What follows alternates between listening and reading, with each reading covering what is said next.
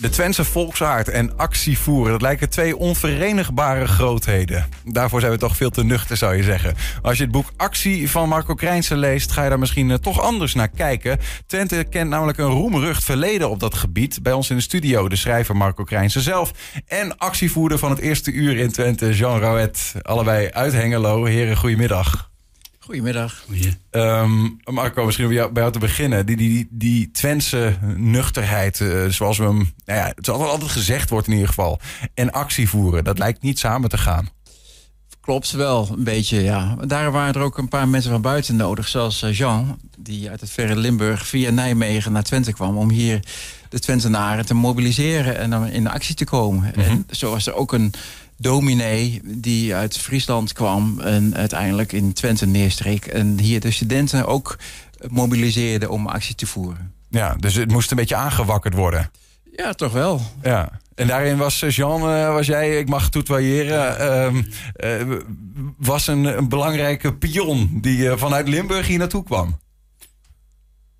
Ja, eh, het belang moet je ook niet overschatten. Ik was maar een helper voor wat er toen in de jaren, begin jaren 70, eind 60, 70, onder jongeren toch aan, aan eh, eh, animo zat om de dingen te veranderen in hun eigen omgeving, maar ook de belangstelling voor wat er internationaal gebeurde. En zowel op de sociale academie als op de pedagogische academie. En de pas toen opgerichte TH hier in Enschede. Daar hadden jongeren veel interesse in, in linkse ideeën die wij eh, vanuit Nijmegen, waar ik lid was geworden van de SP. eh, en, en toen kwam de vraag daar naar voren van... zou jij naar Twente willen gaan om daar organisatorisch de mensen bij elkaar te brengen... een afdeling van de SP op te richten? En dat, is, dat ben, ben ik toen gaan doen. Ja, om, maar ook wel echt om, het, om de boel een beetje eh, zeg maar, in actie te krijgen. Om Ja, de mensen, ja, ja. want er waren hier nogal wat onderwerpen waarvan ook de SP dacht... nou, daar vinden we wel wat van. Het, het, het eerste wat ik in de SP heb leren kennen en, en meedoen, dat waren de, de acties in de buurten. We hadden een, de SP had een beweging daarvoor opgericht, de Bond van Huurders en Woningzoekenden. En die gaf een eigen krantje uit en daar gingen we mee de buurt in. En praten met de mensen over de, problemen en de onder, het onderhoud van de woningen. En dan, dan organiseerden we dat. Dan vroegen we, heb zijn er meer mensen die daar problemen mee hebben? Zullen we eens een enquête houden? Want we- Bijeenkomst beleggen, Ja, comité vormen. En, de, de huurders werden, werden soms een beetje uitgebuit, om het zo te zeggen. oh ja, ja, ja. Na de oorlog was er eh, een loonstop. Maar was er ook, werd de huur niet ieder jaar verhoogd. Eh, maar op, om de vijf jaar pas. Pas in 68 is er een wet gekomen op de jaarlijkse huurverhoging. Ja. En toen kwam die huren gingen dus toen versneld omhoog. Terwijl het onderhoud aan de woningen ver was achtergebleven. Ja, ja. Nou ja waar, kennen we, waar kennen we dat toch van? Hè? Actueel onderwerp. Ja, precies. ja, Ja. Anti- Anti-inflatieactie van de, buur, de Bond van Huurders en Woningzoekenden. Het zou nu ook nog kunnen gebeuren. Ja, wat to- toch wel interessant is, want in deze tijd is er ook veel aan de hand. Eh, je ziet natuurlijk wel acties, maar ik heb het idee dat dat wel een andere tijd was, toch, Jean? Ja, er was veel meer los eh, onder jongeren aan de universiteiten. Had je Ja, de er werd ook meer, studentenbeweging. precies meer op de barricade gestaan. Ja, ja, ja, ja, ja. Eh, de naoorlogse tijd was die van wederopbouw. Kalm aan en hard werken om de boel weer overeind te krijgen. Ja. in eind 60 was er een generatie opgegroeid die de oorlog zelf niet had meegemaakt. En die zei van, we willen er toch nog wel wat meer over te vertellen hebben. Studenten kwamen in opstand op de universiteiten, waar ze wilden inspraak hebben en zeggenschap over wat daar allemaal onderwezen werd. ja.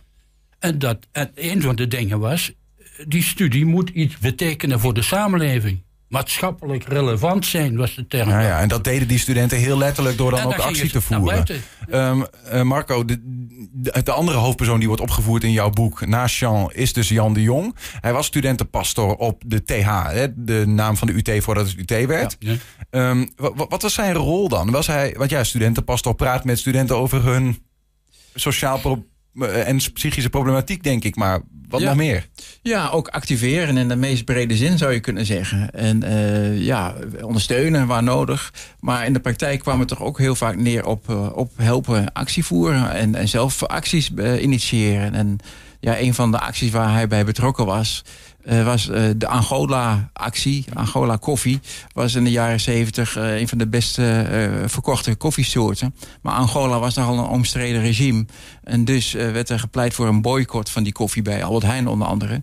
En hij is toen bij het eh, plakken van posters tegen, die, eh, boy, eh, tegen de verkoop van koffie... is hij opgepakt door de politie en heeft hij nog een nachtje cel eh, in de cel moeten doorbrengen. Net zoals ja. Jean trouwens ook ooit een nachtje in de cel moest Oh doorbrengen. ja, vertel Jean. Wat is er, eh, Dat was heb je uitgespookt? dat was in Nijmegen. Eh, de, daar wa- leefde toen een heel sterk eh, beweging tegen de oorlog in Vietnam.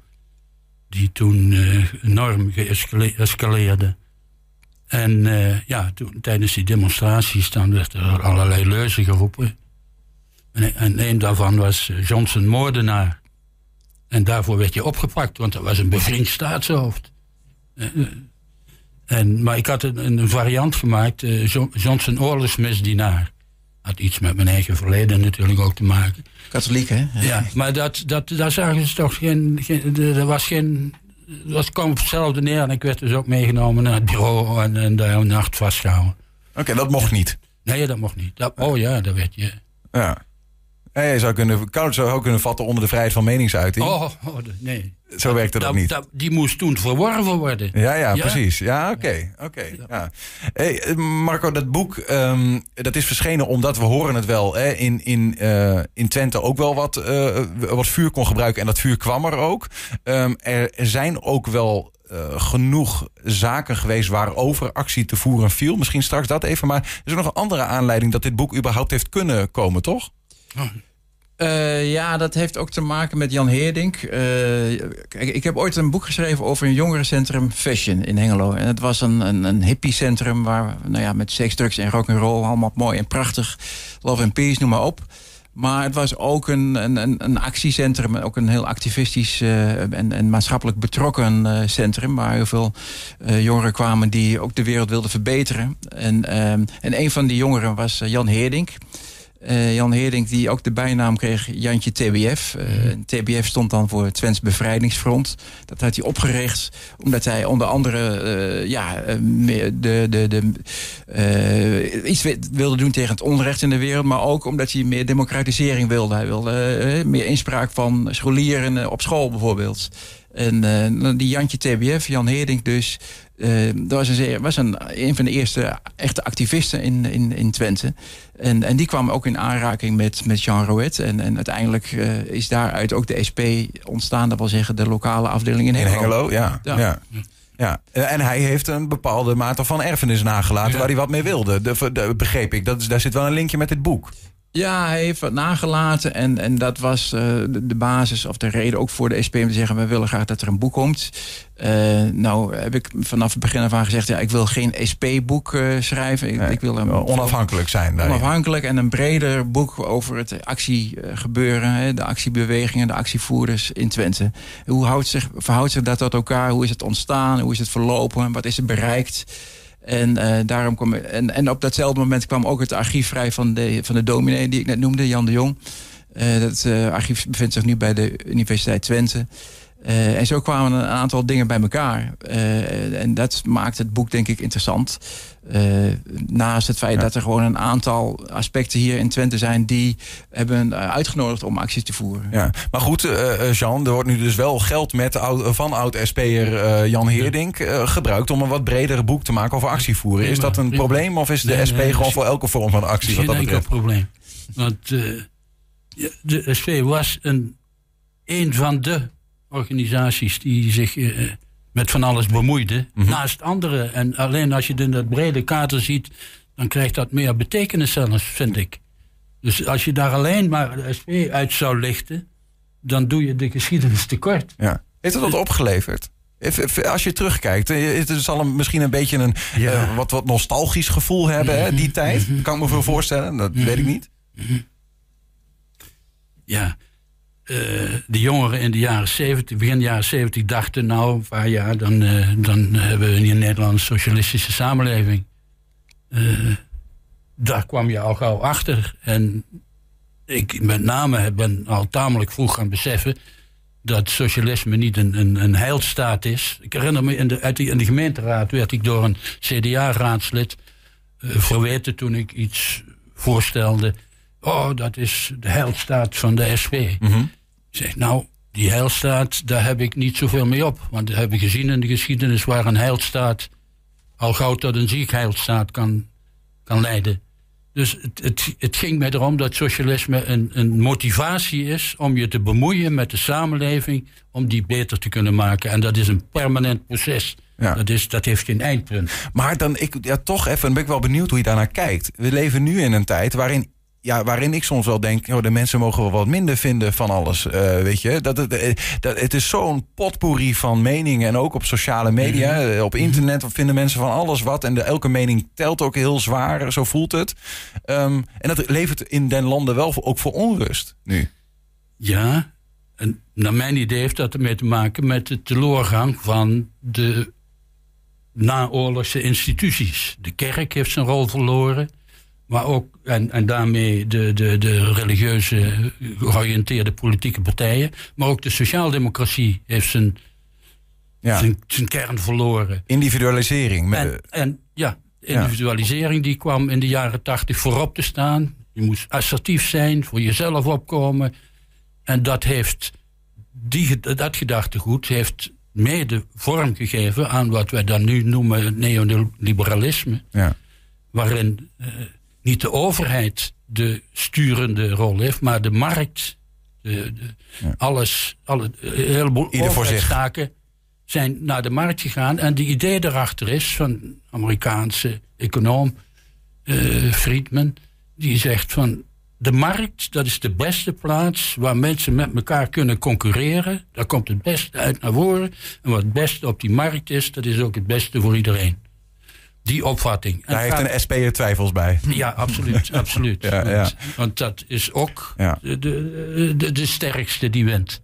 Te beginnen met de meeste achtergrond, de meeste eh, capaciteiten. Die zal op die markt ook de profijten halen. En de zwakkere zal Dus is het weer misschien wel weer tijd om soms en blok te zeggen: ja, hey, wij ja, zijn dit blok en wij vinden wat voor dat hele blok. Eh, Marco, terug even na- naar, naar het- het boek, wat gaat over de afgelopen 50 eh, jaar. Ehm, welke acties hebben we het dan over die in Twente vooral de hoofdmoot hebben gevoerd? No- Noem eens wat, wat ligt eens wat uit. Nou, we hebben in Twente dus een aantal ehm, bedrijven, organisaties... die nogal wat weerstand hebben opgeroepen. eh afgelopen 50, bijna 60 jaar. En een daarvan eh, is de uraniumverrijkingsfabriek UCN in Almelo. Eh, overigens, we hadden het net over Fashion, dat jongerencentrum. De allereerste actievergadering was in Fashion in 1969. Dat was eigenlijk twee jaar voor de opening van, eh, van, het UCN, eh, van de UCN-fabriek. Maar daar is op grote schaal actie tegen gevoerd in de loop van de jaren. Hè. En, en, en zelfs een hele grote demonstratie in, in 1978. Eh, 35.000 man in, in, in Almelo. En die kwamen van, van overal, hè, ook vanuit het buitenland. Dus dat is een belangrijk eh, thema in het boek. Eh, de- dat gaat ook nog wat verder, want... eh, Ja, tegen het verrijken van uranium. ja, en tegen het gebruik van uranium, mogelijk gebruik voor kernwapens. Ja. En bovendien kwam er ook nog kernafval vrij. Nou, dat kernafval kwam terecht in, in Ahaus. Nou, en in Ahaus, hier vlak over de grens, daar is natuurlijk ook heel veel actie gevoerd. De kerncentrale in Lingen, eh, ook niet zo gek ver, eh, die gaat dan nu uiteindelijk dicht. Maar daar is heel veel actie eh, tegen gevoerd. Dus nou ja, dat, dat, die hele kernenergie als thema, dat is een belangrijk onderdeel van het, van, van het boek. Daarnaast eh, de vliegbasis Twente heeft ook heel veel verzet opgeroepen. Hollands Signaal, wat nu Thales is, wapenindustrie, heeft ook heel veel verzet opgeroepen.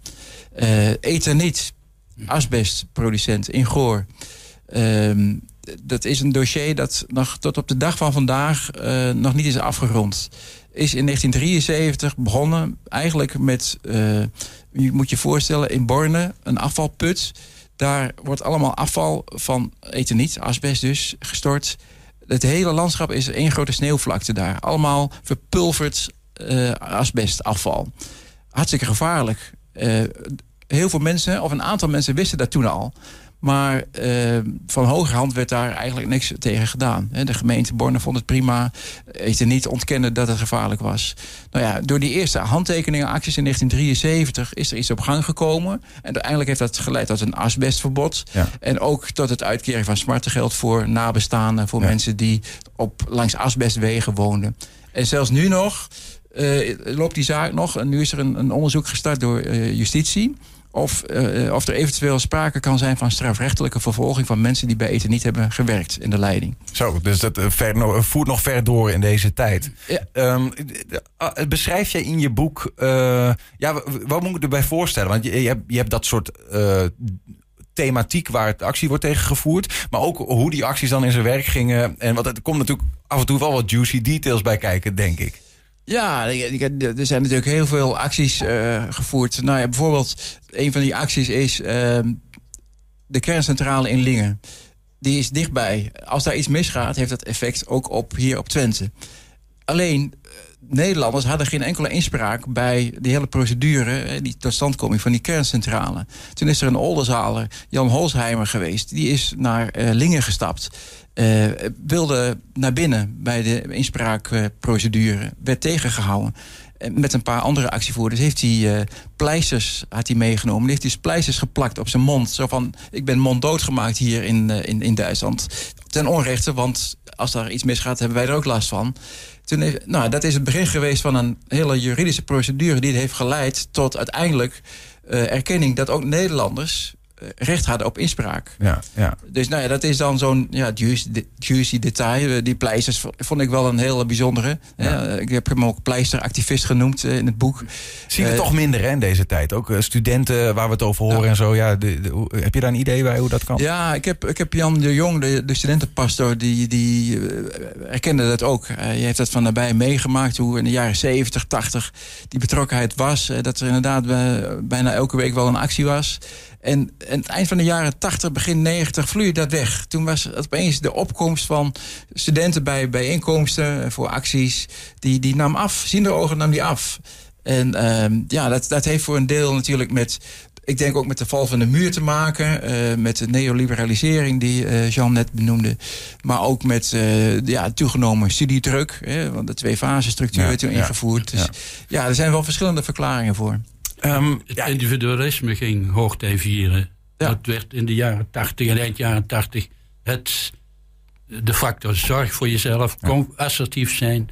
En dat ging onder de studie een belangrijke rol spelen. Snel carrière maken en met het systeem dat ontwikkeld werd.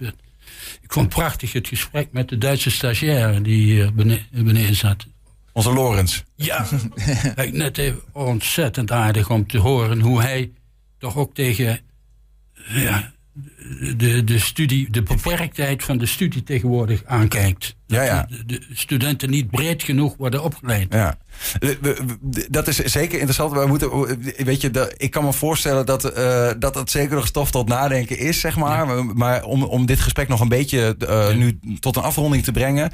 Aankomende uh, volgende week vrijdag, sorry, wordt het boek gepresenteerd. Ja. Dan is de eerste keer, Jan, dat jij het boek ook ziet, geloof ik. Hè? Um, wat is nou, um, ja, ik weet, naast het feit dat het interessante verhalen zijn, zeg maar. Hebben jullie beiden ook een soort van doel of dat je hoopt dat het boek nog iets doet met de lezer? Ja, aan nostalgie heb je niks. Hè? Ik hoop dat het boek jongeren wat zegt, wat aanspreekt. Dat er mogelijk is om, als je met elkaar optrekt, dat je dan iets kunt veranderen, iets kunt bereiken. Mm -hmm. En dat je daarvoor uit, achter je computer vandaan moet komen en elkaar moet treffen, georganiseerd. Ja. Dat dat een rol zou, als het dat zou kunnen bijdragen, dan denk ik dat we Jan uh, alle eer kunnen bewijzen de, voor wat hij heeft nagelaten en om dat financieel mogelijk te maken. Marco, hoe sta jij daarin? Nou, ik denk dat uh, het boek probeert ook aan te geven hoe dingen zijn ontstaan, hoe dingen zijn uh, misgelopen of uh, effect hebben gehad. Uh, het geeft ook aan dat actievoeren een kwestie is van de lange adem en dat er uiteindelijk wel degelijk iets bereikt kan worden. Ook in veel gevallen niet hoor, maar denk ook aan de chloortransporten bijvoorbeeld vanuit Hengelo, die op een gegeven moment ook zijn gestopt, mede door acties. Ehm, dus het boek laat ook zien ehm, een, een veranderende tijd. En ook eh, ja, wat, wat mensen kunnen bereiken. eh, eh, als er hoeft er maar één te beginnen. En als er andere aansluiten, Ja. kan er echt iets bereikt worden. Het kan eh, ter inspiratie werken, maar het is daarnaast ook wel gewoon interessant, denk ik, om te lezen wat er gebeurt. is. Een tekst van, van Kampert op eh, het stadhuis in Hengelo. Dat is nog... Hij hoeft er maar één te beginnen. voor de oorlog. Eentje hoeft maar te beginnen. Ja. Ja. Mooi om daarmee eh, af te sluiten. Vrijdag 21 oktober volgende week om half vier wordt het boek gepresenteerd. Actie heet het boek. In Metropool Hengelo eh, gebeurt dat. Bezoekers, eh, als je erbij wil zijn, moet je even aanmelden. hè, via mail info apenstaatje rogco met een k.nl. Marco Krijnsen en ook Jean Roet, dank je voor jullie aanwezigheid. En eh, nou ja, veel plezier met de presentatie volgende week. Dank je. Ja.